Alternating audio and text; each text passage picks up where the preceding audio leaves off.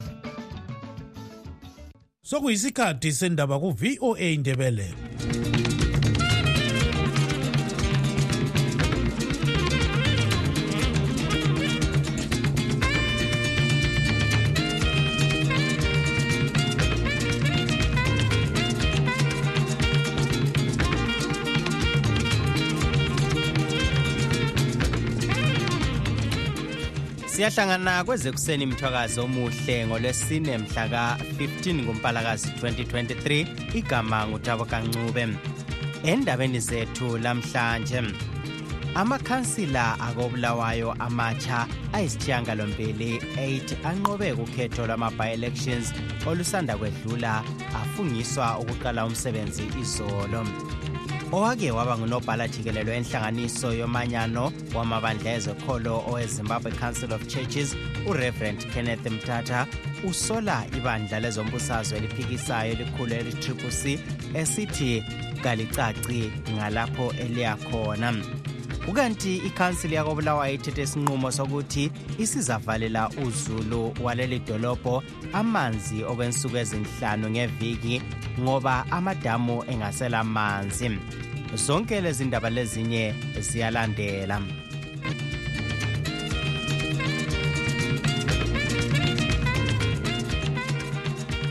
amakhansila akobulawayo amatsha ayisishiyangalombili 8 anqobe kukhetho lwama-by-elections olusanda kwedlula afungi afungiswe ukuqala umsebenzi izolo lapho axwayiswe khona ngumeya waleli dolobho umnumzana david coltart ukuthi engaze aphatheka kumisebenzi yenkohlakalo kodwa asebenze ngobuqotho ukuze athuthukise impilo kazulu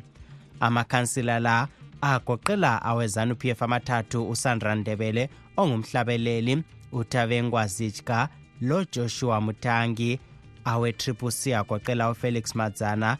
thobeka meli moyo thinevimbo maphosa nkosinathi wobe mpofu lo mnumzana donaldson mabutho owayengumsekeli kameya engakaxotshiswa ngumnumzana sengezo chabangu yena ozithi ungunobhala jikelele we-triple c sixoxe lo mnumzana mabutho yena othi umkhulu umsebenzi abameleleyo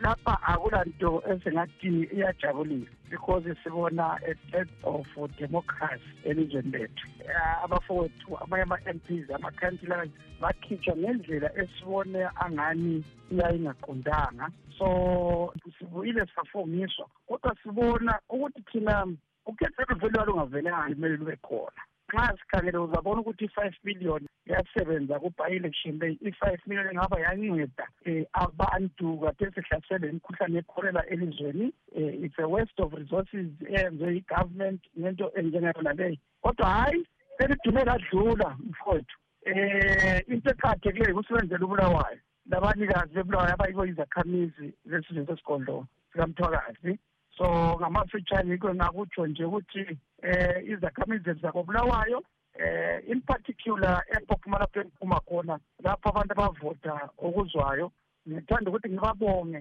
eh ngokusisekela la ngokusivotela kulona lelukhetho oludlulileyo ungakaxotshiswa nguchabangu kukhansili ubungumsekeli kameya okuyisikhundla esesathathwa ngubabu edwin ndlovu lokho akukuphathi kubi lakukuphazamisi hayi uyabona nxa uyinkokheli kumele ubezazi ukuthi nxa usekhansilini awulandi sikhundla um eh, to me into ezikhundla is something else um iyabuya um ihambe but okuqakathekileyo ukuthi uvele ulande isikhundla yini um kuma-chambers or ulande ukuya ncedisa lokusebenza lezakhamizi zakobulawayo yinto eqakatheke kimi to me it's not about position um it's about ukusebenzela esigodlo sikamthwakazi so lokho hhayi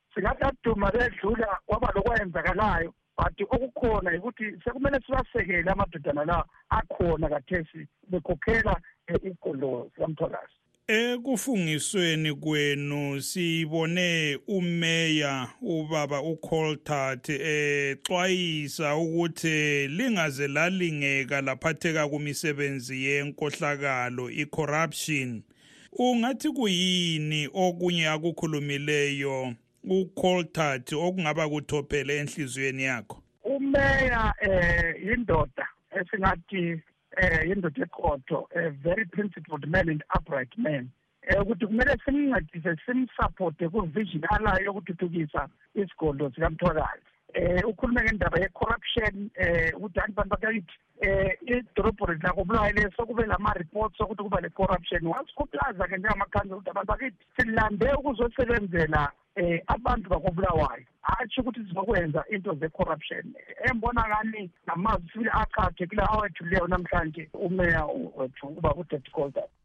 umnumzana donaldson mabutho ngukhansila ka-ward 9 kobulawayo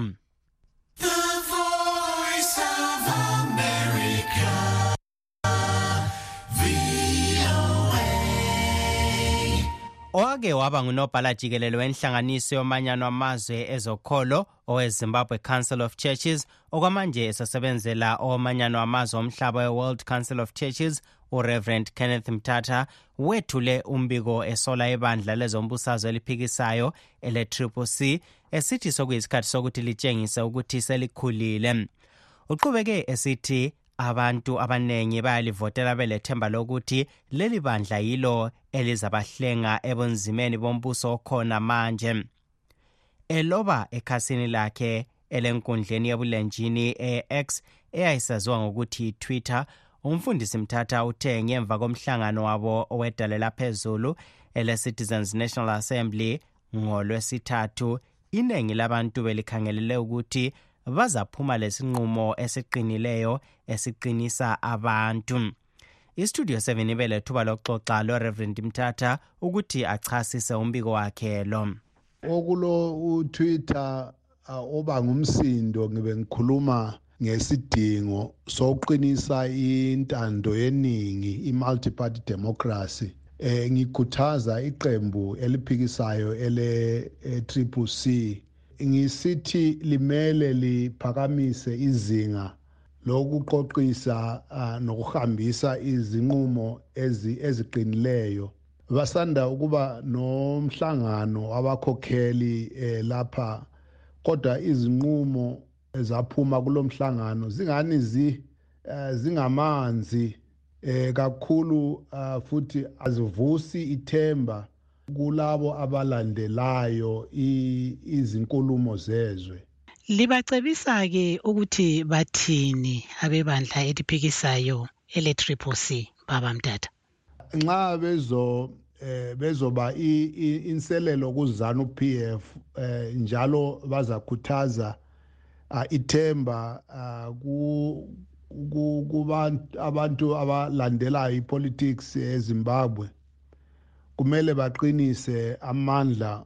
okuzihlela bona eh lokuhambisa amazwi anika ithemba kuma-zimbabweans otherwise bazoba eh, bazoluza irelevance yabo ah,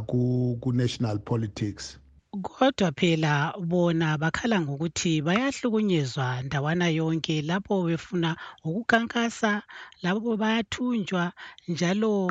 le mithethwandaba vele akayihambisi kuhle izindaba zabo lina lithini ngalokho yebo siyazi futhi ukuthi basebenza endaweni elobunzima obuningi kodwa lokho akuvimbeli ukuthi babe professional eh uma uh, bekhuluma lama programs lama interventions abo uh, kulokho okwenzekayo ezweni lo bekungumfundisi kenneth mthatha esixoxe laye ecingweni esegeneva eswitzerland sibe lethuba njalo lokuxoxa lesikhulumeli sebandla le-triple c umnumzana promise mkhwananzi ukuze sizwe umbono wakhe umbono ukareverend mthatha umkhulu we wesonto siyawuhlonipha kakhulu kodwa-ke thina sihluza njalo sikhangela imbono kazulu wonke jikelele welizwe lezimbabwe sisithi thina laba basephalamende akutsho ukuthi yikho okucina khona indima laba basephalamende abenza abakwenzayo libabone namhla betshengisela kakhulu okutshengise ilizwe ukuthi ubaba umnangagwa kafuni idemokhrasi ephalamende lina-ke eliphandle kwedale lephalamende lenzani-ke njengamalunga e-occc thina lathi ngapha-ke ezitaradeni langaphi ngaphi sizama laba siqoqa abantu-ke sihlela abantu silwisa-ke ukuze ubaba umnankagwa azi ukuthi abantu bezimbabwe sebekhathele ngento yakhe ayenzayo le njalo sebezimisele ukuhlangana laye ezitaradeni bafesane laye bakhangelane laye bamqonde esiphongweni bamtshela ukuthi hhayi baba kwanele isikhathi sihambile okwamanje sesifuna ukulungisa ilizwe lezimbabwe umnumzana promise mkhwananzi isikhulumeli sebandla le-triple c ubexoxa le-studio 7 ecingweni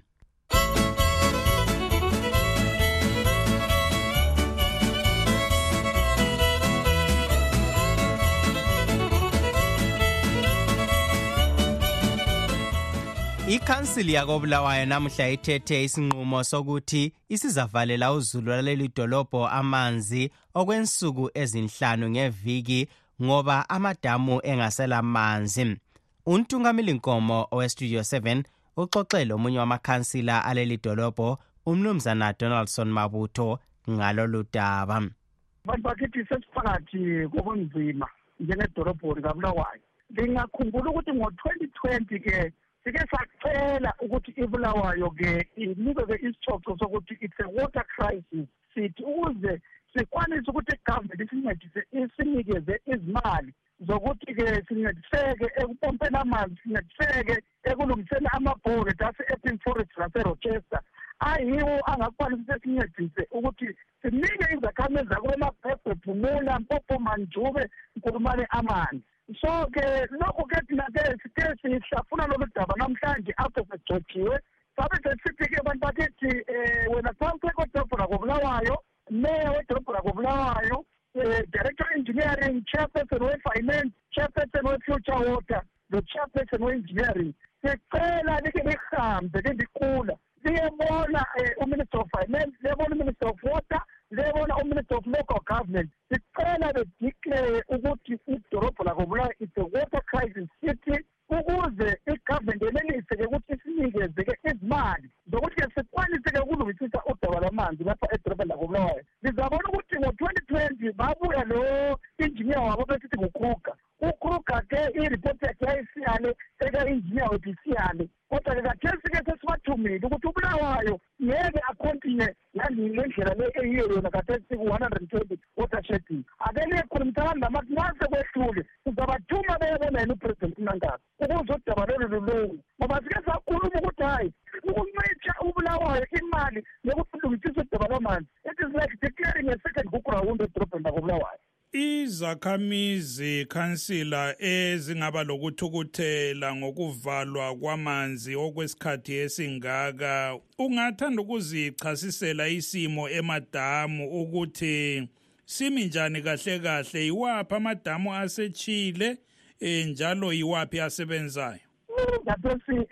um mfowethu sokurongo eh akusama kuhle edorobheni lethu eh lakobulawayo ngoba in short kathesi ngamafitshane nje ngizathanda ukuthi-ke nginikeze-ke isigodo sikamthwakazi-ke istatus yamadametho singakhangela insiza meyise i-percentage yayo kathesi-ke iku-fifty eight point forty six percent sikhangele ukuthi depreciation month yayo kungaba ngumhla ka-twenty six february siyidikomishine singakhangela iyakhulu ku-thirty four point one five eight ingadikomishina ngojanuwary twenty twenty six um sikhangele ilowa ncema iku-twenty one point nine three engadikomishina ngomarch twenty twenty four bese sikhangela kumzingwani um eh, esisesamdikomishina ngonovemba twenty twenty three sikhangele i-apancema ekade ku-twenty one point nine seven percent izadala ukuthi idecommissioneke ngojuni twenty twenty four ikhange lemthabezi um eh, iku-seventy two point nine five percent engadecommissiona-ke ngoye twenty twenty seven why sisenza-ke kuqhuke kanje so ukhangela ukuthi amanye ama-dam that can push us ukuyafika-ke kubo-twenty twenty six twenty twenty seven ndingakhangela-ke kulento esithi water rule rule twenty water act ethi rule twenty one ethi kumele libe lenani lamanzi lokuthi nxa izulu lingake lokuna in the next two years likwanisa ukuba libe linika idolobho amanzi even kanye eviki even kanye in two weeks until twenty twenty seven yikho ke size sejele enjengaleyo kodwa ke isimo sibi eziphakeni zethu zamanzi sithi ke bulawayo njengoba khathesi siyakhuluma izulu liyana um sithi um imithandazo ethe namhlanje izwakele um nakanela njalo futhi ukuthi unkulunkulu uze abe sikhumbula izulu libe khona izakhamizi zakubulawa zithola amanzi kodwa ke sithe sizabe sisaplama izakhamizi endaweni ezingafiki amanzi namabhawuza landle kudingake abanye ama-partners ukuthi ke befake phansi ukuthi befake-ke izikoti ukuthi izakhamizi ziseke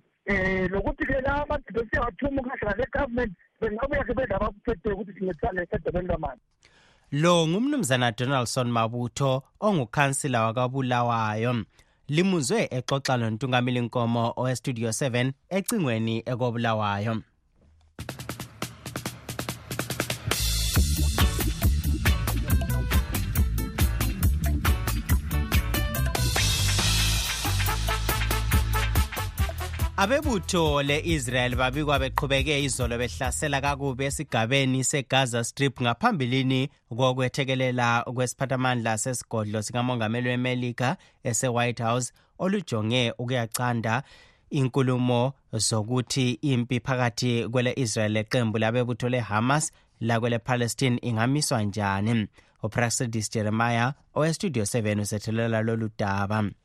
lokhu kwenziwa phansi kwemizamo yokuvikela lokuphathisa abantu makhaza basesipalestina abangahlomanga abayibo asebethinteke kakhulu ngalimpi ikakhulu abesifazane asebekhulile kanye labantwana isikhulumeli sohlangothi lwezomvikela e-white house kwelemelika ujohn kirby utshele intatheli zindaba ukubana umcebisi omkhulu owe-white house umnumzana jake sullivan uzalubhekisa namhlanje kwele-israel ukuyaqhuba lezinkulumo zokudinga indlela zokumisa limpi usullivan ukhangelelwe ukugcizelela inkuthazo eyenziwa yimelika yokuthi ele-israel livumele ukungena koncedo lokudla imithi yokwelapha abalimeleyo lezembatho egaza kusetshenziswa isigaba esekerem shalom lokhu kubikwa kunganceda kakhulu ukuthi lolu ncedo lungene lulunengi lungezelela kulalolo olungena emangweni owerafa ele-israel liqalise ukukhangelisisa izimota ezithwele uncedo ekerem shalom izolo kodwa zingavunyelwa ukuchaphela egaza ziqondiswa ukuthi ziyengena ngasemngceleni wele rafa kuhambo lwakhe lolu usullivan uqalele kwele-saudi arabia lapho abikwa enze inkulumo lomkhokheli walelo lizwe uprince mohammed bin salman ukuthelana okukhona phakathi kwabantu bakwele israel labesipalestina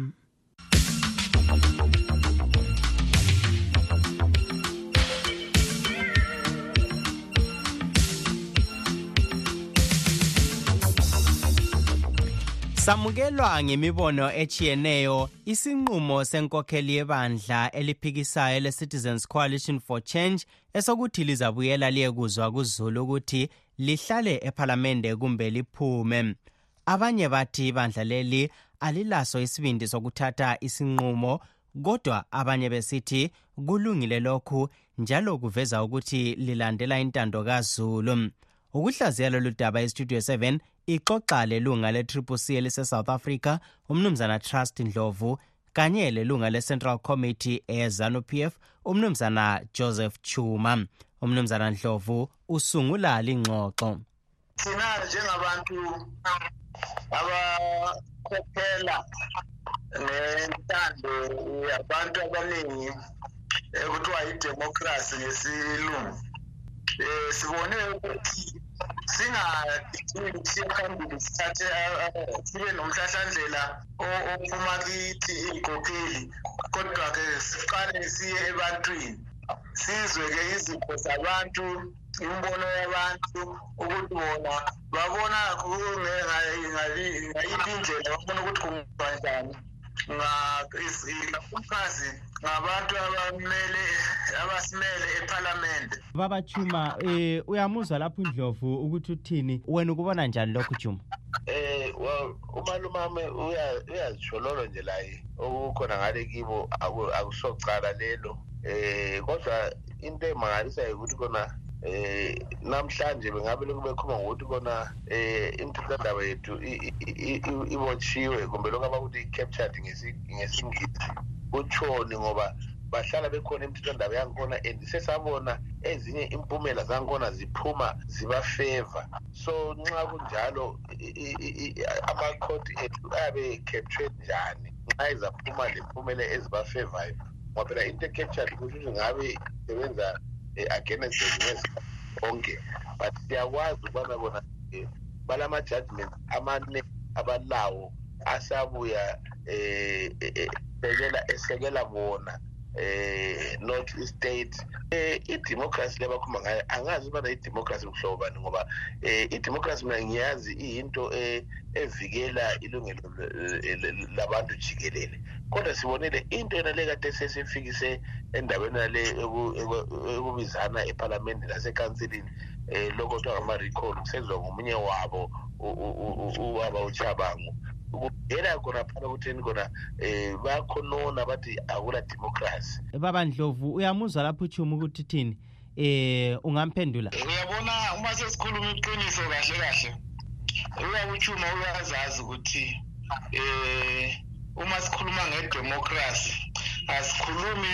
ngedemokhrasi ngokuhlukana kombono e-, eqembini elithize ngoba nakuwo khona laphaya kuzanu bahlala bangaboni ngasolinye njalo um kodwa-ke akuyenzi ukuthi babulalane lokho akwenzi ukuthi um baze bavalelane emajele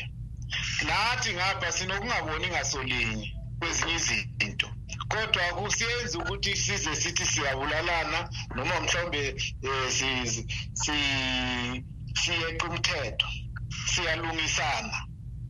idemokhrasi esikhuluma ngayo sikhuluma ngedemokhrasi egoqela wonke umuntu egoqela uzulu wonke ukuthi nje njengoba nani nithi niwinile nje nibusa kanje pho kutheni um senibulala abantu ngoba nifuna isikhundla uma sesibekisa nje ngale ndaba yenzeke lapha emavuko baba chumu ngafuna ukuthi umphendule so akula bandla elingafuna ukubulala abantu ngoba izihlobo zisabalele endaweni zonke yinto eyenzakalayo kodwa yinto hambelanga sinjani siyivumele sonke kumele sikhulume ngelizwi linye condema i-violence condema ama-kidnappings sikondema into zonke eziziyana ngoba ziyabe zivela emakhanda abantu zingaveli emabandleni ethu babandlovu akuyigqibe ngamafitshane laphana um ngifisele nje ukuthi izimbabwe ngayo mhlawumbe abantu bayavumela kwayena uba umnankagwa ube uyavuma ukuthi um eh, amayi ukhetho aluhambanga kahle ukhetho aluhambanga kahle eh, njalo-ke um siyabona sonke ukuthi vele um akuzanga kube kuhle njalo naye akavume lento ibonwa ngama-observers baba chuma um eh, ungayigqiba-ke ngamafitshane laphana ngiyabonga kakhulu umalume uhlanza izinto ukhetho lolu lwahamba kuhle kakhulu yikho umona ongamele ukaunangagba esiba-recognize lokwana ukuthi akona akuhambanga kuhle akuhambanga kuhle yinkulumo zabantu bona ababevele besiya bele-result yabo esekhanda labo othi bakucabanga ukuthi kuzahamba apho uyalile usibona sa uhambanga kuhle le jaka elinxa lisiyakhombisa inkazana angavele asiyale sembona ngoba nje kodwa yena ebebuye efuna ukuzokhombisa ungakhombisa bengakwala uyela uyifihle amanye amaqhinga ongabuya ngawo umuntu lo mhlawumbe ugagcina sunjani umuwinile ungamthethisi phela ngoba ungamthethisa uzaphenduka njani kusasa futhi ufuna ukuzokhombisa lo ube ngumnumzana joseph chuma owe-central committee yezanu p f endawonye lomnumzana trust ndlovu olilunga le-triple c esesouth africa bexoxa le-studio 7 lilalele kumsakazo we-voice of america istudio 7 esililethela indaba sisewashington dc ngesikhathi senguquko kungacaci kahle okwenzakala emhlabeni esikuzwayo kungayisikho esikubonayo sidinga iqiniso sitshelwa izindaba ezingaphelelanga silahlekelwe liqiniso ngesikhathi sohlupho amaphupho ethu ithemba lezifiso zekusasa enhle kwenzakala uma abezindaba bekhululekile kumsakazo we-voice of america silethulela izindaba ezitholwa ngokuzinikela okuphezulu sixhumanisa abantu ngokubethulela iqiniso kumsakazo we-voice of america silethulela okwenzakalayo njengoba kunjalo umbiko olandelayo uveza imibono kahulumende welemelika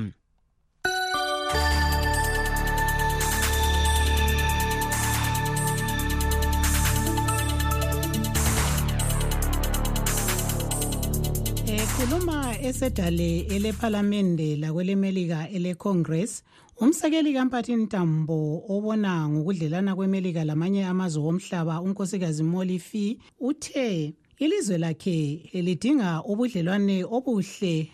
lamazwe awezwekazi le-afrika obenelisa ukuphathisa amacele womabili ukuhluthunwa kwamandla wombuso okusanda kwenzakala emhlubulweni wasesahel kubikwa kulakho ukudala izinhlupho ezikhangelane lalo mhlubulo ikakhulu okungaqakathekiswa kwembuso yentando kazulu yimisebenzi yamalicatsha adlulisa amalawulo kumbe amaterrorist kanye lokuswelakala kwamathuba eneleyo kwabatsha awokuzithuthukisa kwezemnotho kanye lakwezemfundo unkosikazi fiyi uchaze ukubana sebeguqula indlela abasebenza ngayo kulezindawo ukuze bathuthukise ukukhethwa kwabohulumende bentando kazulu Njengomzekeliso kulandela ukuhluthunwa kwamandla libutho ngoNtulikazi eNiger, samisa usizo lwezomvikela olwalulesisindo sigidi ezedlula ezilikhulu 140 million dollars lezinye inhlelo zokusebenzelana ndawonye ezilesisindo zezigidi ezedlula amakhulu amathathu 300 million dollars ukuze sithuthukise inhlanganiso yamanyana wamazwe awezwekazi le-afrika eyi-ecowas ebonisana lathi kudaba lokuhluthunwa kwamandla sisekela inkulumo eziqhutshwa yinhlanganiso labebutho leniger ngenhloso ngenhloso yokuthi kube lohulumende wentando kazulu kanye lokukhululwa kowayengumongameli umnumzana bozum kutsho unkosikazi fee imelika iqhubekela phambili isekela abantu beniger ngokubona ukuthi inhlelo zokubaphathisa kwezempilakahle kwezenhlalakahle lokutholakala kokudla ziqhubekela phambili unkosikazi fiyi welekelele ngokuthi amathuba okukhethwa kukahulumende wentando kazulu emali lawo aya etshabalala njengoba uhulumende osekelwa libutho lewagner ephuza ukuqhuba ukhetho ezomvikela lokubulawa kwabantu kanye lokusetshenziswa mahlayana kwamatshe aligugu lokunye kulelo lizwe kuveza obala udubo olulethwa libutho iburkina faso layo ikhangelane ledubo lokuvikele lezomvikela kanye lokwephula kwamalungelo oluntu ilwisane lamalwecatsha ngendlela evikela impilo kazulu siyazi ukuthi ukusebenzisa impi njengokwenziwa emali kulakho ukungasebenzi ngisizwe udaba lokungahlaliseki kwezombusazwe eburkina faso sikhuthaza ukuthi kube lohulumende wokuzikhethela kulandelwa izikhathi ezizakwaziswa uzulu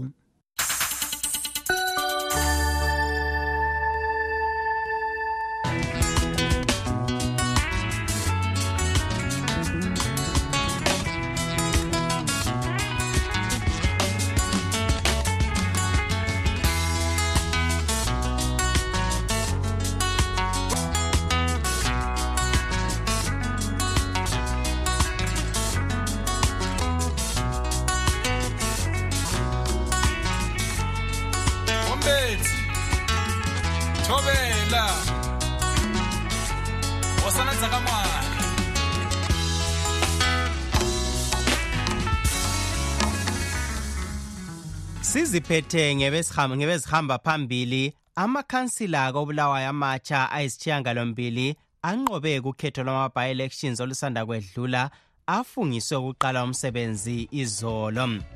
oke waba ngunobhala jikelelwe enhlanganiso yomanyano wamabandla ezokholo owezimbabwe council of churches laye usole ibandla lezombusazwe le-triple c silugqiba-ke lapha uhlelo lwethu lwanamhlanje olivalelisayo ngutabo kancube